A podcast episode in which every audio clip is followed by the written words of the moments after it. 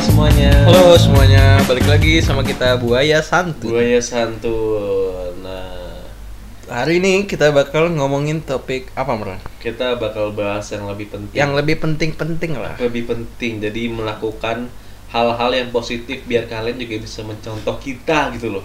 Jadi ada yang bisa diambil dari podcast kita. Ini Oke. banyak nggak yang nggak dia bisa diambil ya daripada yang bisa diambil. Jadi kalau kita ngomongin sekarang nih anak muda ya kan, anak muda itu kesannya masih Jadi berenang. gini. Nah, Meran kan kita eh, umur umur kita ya rata-rata anak muda kan sekarang itu 23 ya.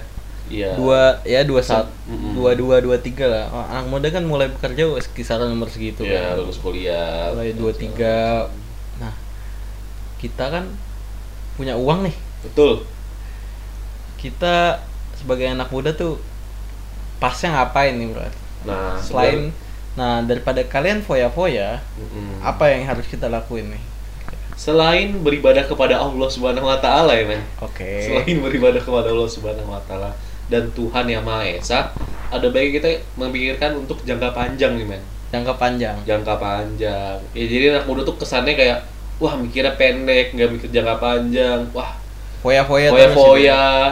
itu bukan zamannya anak muda sekarang sih oh sekarang anak muda tuh udah pada pinter-pinter dari men generasi milenial nih kita harus Generasi milenial harus mencontohkan yang lebih baik lagi buat betul eh, cucu-cucu kita betul nantinya. sekali Nah, dengan kemajuan teknologi, otomatis Mm-mm. kan kita harus berpikir lebih matang lagi dong. betul Kita harus sadar akan eh, mengatur keuangan. Mm, penting banget nih men karena rata-rata eh, menurut teman-teman gue juga ya gue juga sebenarnya agak kurang bisa mengatur keuangan gue nih cash flow gue gue masih belum bisa memilah-milah mana yang urgent mana yang important dan mana juga yang Santuy. eh, ya santuy nggak perlu diapa-apain foya-foya aja ya kan Nah, cuman gue masih belajar-belajar juga sebenarnya untuk sharing-sharing ini sih men eh, Oke. Nah, banyak teman-teman gue yang belum bisa men separatekan mana yang urgent dan mana yang important. Karena Oke. itu dua hal yang berbeda, men. Jadi intinya skill financial, Financial- planning kita financial harus planning. bagus kan sebagai Betul. kita. Karena eh, apa yang kita tuai itu eh, apa yang kita tanam akan kita tuai di masa depan. Wah, cocok ya. Gue kalau ngomongin yang penting-penting tuh kayak berarti gimana ya? Karena emang, emang tepat sih omongan gue. Tepat sih. Tepat sih Yang ngomong nggak yang tepat. ngomong ya itu kayak "Kok siapa ya lagi asal-asal ngomong ya kan nah jadi itu sih men, masih banyak anak-anak muda apalagi di lingkungan gue ya banyak yang belum bisa ngehandle uangnya sih karena mereka Hmm. baru terima gaji atau bisnisnya lagi untung ya habis dibuat beli barang-barang yang dia belum bisa beli dulu atau yang dia barang pengen banget cuman karena belum punya duit begitu sekarang punya duit jadi beli gitu jadi Betul. konsumtif jatuh-jatuhnya Nah, mungkin salah satu cara untuk kita mengatur financial planning Mm. itu kita bisa berinvestasi, Mbak. betul us mantep banget Yo, investasi itu ada banyak nih macamnya nih. Hmm, banyak ya Salah satunya ada pasar uang, pasar uang ada reksadana, Hmm. ada emas, Hmm. ada obligasi, ada sukuk dan ada saham. deposito juga ya Deposito juga. Itu salah satunya. Nah, sebagai milenial nih kalau kita ingin berinvestasi kan, hmm. kita bingung kan apa ya yang harus gue Betul. investkan kalau misalnya lu mau investasi kira-kira apa yang tepat buat lo Hmm. nah di podcast ini kita bakal jelasin nih salah Hmm. satunya Hmm. yaitu investasi saham ya Wih, di saham kayak gue denger-denger saham tuh wih, kayak orang Oh, iya. gimana sih cara mainnya Nah. gitu-gitu ya enggak kesan lo apa sih kalau denger saham tuh kesan gue saham tuh kayak keren aja sih pertama kali gue udah kenal saham tuh kayak anjir keren banget nih orang udah main saham ada teman gue men baru masuk kuliah tuh waktu tahun 2016-17 itu udah main saham dia oh gitu dan gue tuh ngerasa kayak Bodoh eh, banget lu. bodoh banget kayak "Ah, gue 2016 belum apa ngapain cuy Iya. asli merusak anak orang doang pasti ya semua dia merusak maksudnya kayak ini kan eh, ngejatuhin anak orang Iya, atau misalnya lu jorokin, lagi- iya, gue jorokin lagi main Nggak bola boleh, gue nggak dorong gue rusak ya kan Nggak boleh, bentuknya nggak itu sobek atau apa jangan lah jangan gesek ya udah kan. udah Iya, lagi Ya, main nggak usah bola. dibahas lah ya Nggak usah dibahas Itu dijor- nah, dijorokin. terus terus gimana ya gitu gue ngerasa kayak ah bego banget gue belum ngerti apa-apa Bener nih sih. temen gue udah udah ada yang untung berapa ratus jadi ribu dalam mu- sehari mungkin tuh kayak saham itu dulu anggapan gue sama kayak lo jadi saham itu ah, khusus untuk orang-orang pinter betul Hmm. anggapan gue gitu men Mm-mm. kayak kan saham nih gue search saham di Google Hmm. yang keluar tuh grafik biasanya Hmm, grafik betul wah ini grafik gak, gak, gak paham sama sekali kan apa ini Hmm. grafik-grafik ini kan khusus orang pinter doang lah istilahnya dan selain itu kan gue itu kayak eh, mungkin lu juga nggak asing dengan kata-kata saham itu judi nah iya nggak sih betul jadi banyak orang beranggapan saham itu riba judi. nah riba juga salah satunya oh gua pun gue termasuk orang yang anggap saham itu judi awalnya dulu Mm. ah gua nggak mau saham main judi gitu kan Mm-mm.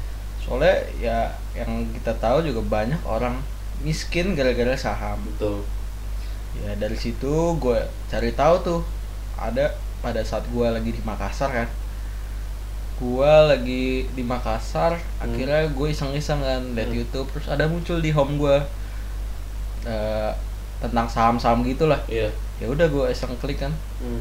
gue lihat-lihat lama-lama gue penasaran man Mm. saham itu apa sih gue belajar dari YouTube tuh Mm. gue lihat dan ternyata gue mulai terbuka nih wah saham oh ternyata begini saham ternyata begini itu lu Nah. buat tahun berapa tuh tahun 2016 tahun 16 ada satu pas lu kuliah dong ya masih pas masih baru- masih gue Mm. masih kuliah nah jadi gue itu mulai ngerti bukan ngerti sih tapi Bela- mulai mulai belajar lah ya terbuka ya Hmm. mulai eh, belajar Open. saham itu tahun 2016an Hmm. pertengahan Hmm. gue ingat tuh. dari situ gue belajar di YouTube gue lihat-lihat dulu pokoknya gue amati dulu deh jadi saham itu ternyata adalah eh, istilahnya kepemilikan sebuah perusahaan Betul. surat berharga sebuah perusahaan Hmm. bukan surat berharga itu beda lagi sih beda lagi itu Beda lagi. surat berharga yang menunjukkan bukti kepemilikan lu sih ke suatu perusahaan Ah. Kan itu Jadi kalau perusahaan ini kan terdiri eh, sebuah organisasi besar gitu, kan. Hmm. terdiri dari banyak orang.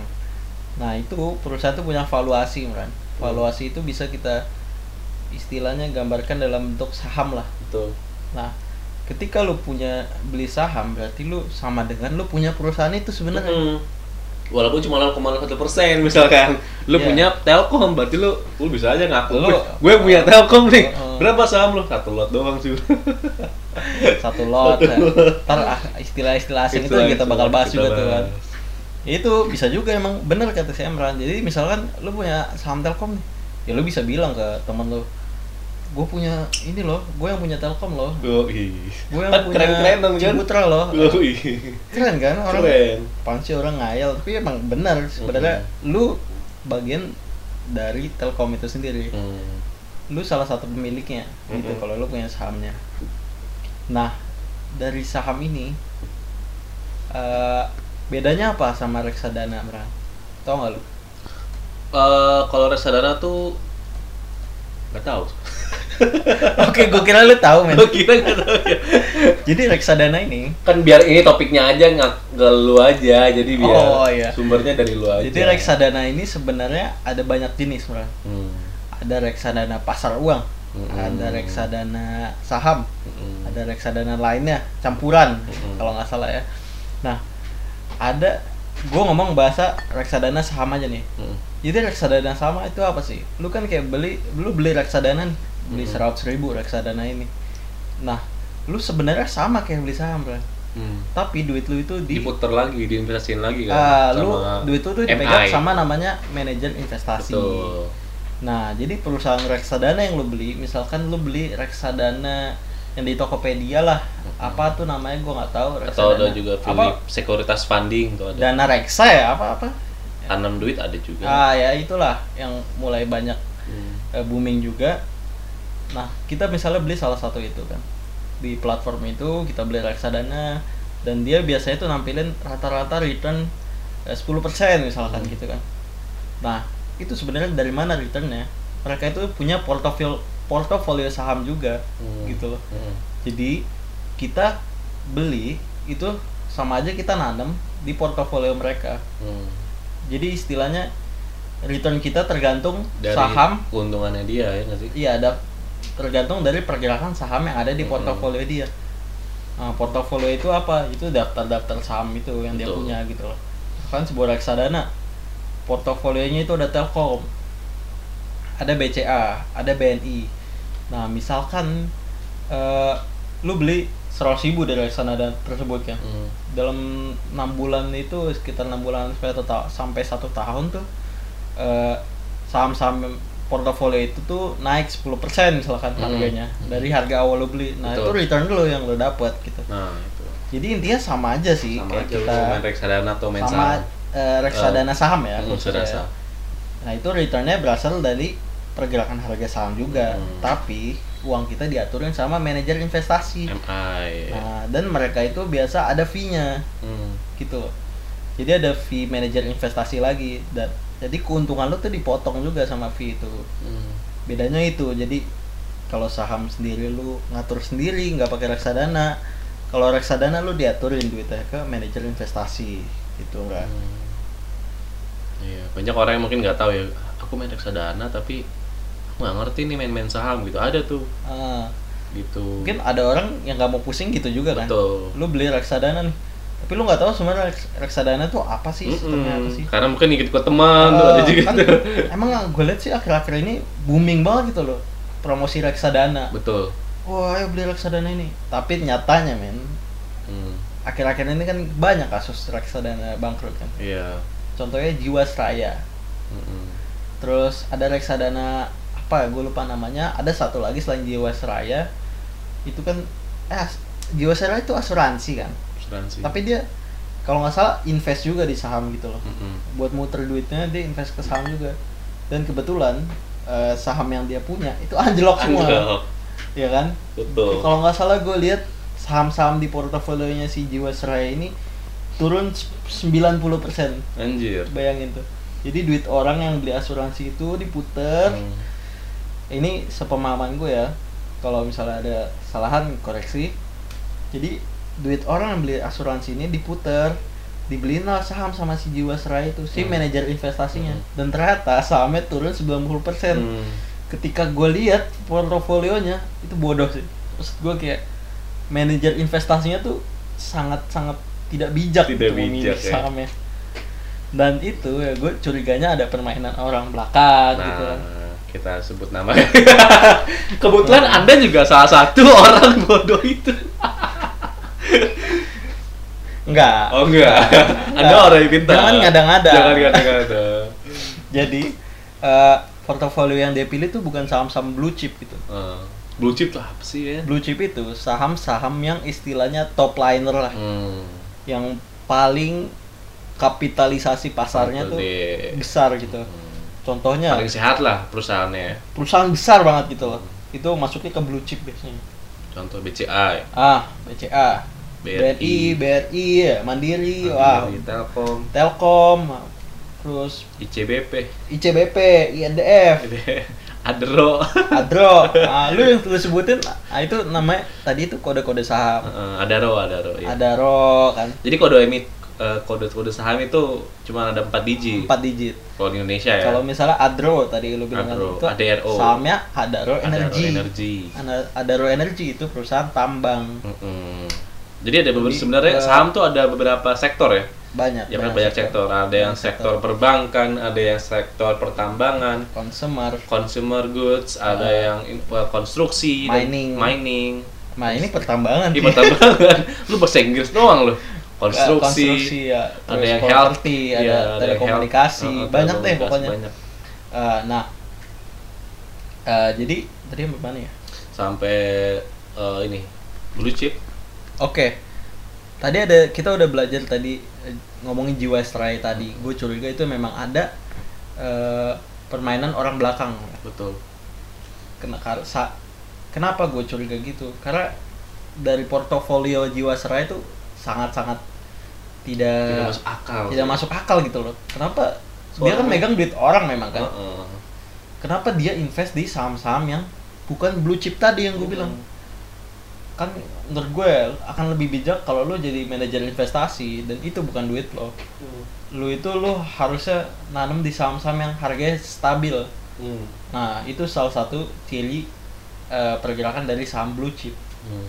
Jadi pergerakan itu enggak wah tiba-tiba anjlok, tiba-tiba naik, tiba-tiba turun drastis lah pokoknya pergerakannya itu tetap eh, liquid. Liquid itu istilahnya tetap ada pergerakan setiap harinya ada transaksi. Lu gampang jual, lu gampang beli dan pergerakannya tidak eh, ibaratnya kayak roller coaster lah. Hmm. Tiba-tiba naik, tiba-tiba turun yang tadi gue bilang. Sebenarnya bisa dipredictable kan ya semuanya itu Nah, pergerakan-pergerakan itu kan. Betul, ada ilmunya. Nanti kita bahas ya. Hmm. Nah, kemudian bedanya saham nih sama investasi emas. Hmm. Kenapa gua nggak milih investasi emas? Gua memilih saham nih. Hmm. Karena gua lihat investasi emas ini sebenarnya ya menurut gua pribadi ya, dia itu lebih ke untuk melawan inflasi aja gitu loh. Hmm. Karena kan kalau inflasi kan otomatis harga saham, harga apa? emas naik kan. Hmm. jadi ist- istilah itu duit lu nggak berkembang Hmm. tapi dia itu perkembangannya hanya menyesuaikan inflasi Inflasi. Oh, istilahnya oke. duit lu 10.000 di tahun 98 emang sekarang jadi sejuta tapi nilai value-nya tuh sebenarnya sama gitu loh Hmm. hanya emang dia ngikutin inflasi aja jadi itu bedanya gitu loh Untuk reksadana dan saham ya. Jadi reksadana, sebenarnya saham kemudian Emas. emas gitu kalau sukuk nih apa nih suku. sukuk kemudian deposito nah dia itu tuh fixed return Pak. fixed return. setahu gue dia fixed return Jadi, setiap mis- tahun tuh dia cuma bisa 5 sampai 6 persen lah ya Ah. setiap tahun. jadi kalau lu misalnya deposito biasanya eh, periode-periode sekarang ini banyak yang nawarin gitu Hmm. bank-bank besar biasanya Hmm. mandiri misalnya ayo beli deposito mandiri Hmm. return satu tahun 5 5,8 persen gitu kan Hmm. nah itu jadi lu beli mereka kalau nggak salah ada satuannya juga deh Hmm. Nah, lu beli dan lu baru bisa ambil tuh satu tahun ke depan, Hmm. tahun depan dengan Harga timbal timbal balik timbal. Hmm. itu Mm-mm. yang tadi yang dijanjiin 5,8 persen. Memang sih lebih stabil gitu, maksud gue lebih aman. aman karena lu tuh cuma naruh duit ibaratnya banknya Ah. nggak bakal memutarkan duit lu dengan cara kredit ke orang lain dan Nah, Iya, segala itu macam. mungkin gimana caranya tuh eh, dan duit lu tuh pasti Mm-mm. kembali sebesar 5,8 persen. Lu nggak kehilangan duit asal lu ngambilnya tahun depan Mm-mm. persis gitu sesuai istilahnya sesuai perjanjian. kontrak Mm. perjanjian lah kan. Nah itu deposito. Kalau Dan- misalkan lu di tengah tahun lu ngambil atau kalau misalkan ah gue cuma mau tiga bulan atau empat bulan aja deh itu bakal kena penalti, penalti betul, biasanya ya. Betul. Jadi gitu. Betul. Dan itu minusnya berarti apa? Kita nggak bisa kalau misalnya ada kebutuhan mendadak nih. Betul, emergency. susah dong Heeh. lu ngambil dong tapi ya plusnya tadi stabil Heeh. lu kalau mau benar-benar aman dan lu emang gak butuh duit ya mungkin itu pilihan lo sih Heeh, deposito. si deposito ini pilihan lo yang tepat tapi menurut gue ya karena kita milenial gitu kan Heeh. saham ini memang risky tapi dia high reward Heeh. ada kan istilah high reward eh high risk high, High risk, high high reward. reward. jadi resiko memang tinggi tapi dia sebanding sama rewardnya gitu loh Heeh. dan kita sebagai milenial istilahnya kan kita belum nikah gitu kan Heeh. duit masih ada gitu kan menurut gue ya selama kita belum ada tanggung jawab gitu dan belum ada kebutuhan mendesak biasanya kan ya, saham itu men- pilihan yang tepat juga gitu Mm. loh. karena itu bisa ngasih lu timbal balik yang cepet Heeh. yang besar tapi emang risknya memang tinggi Betul.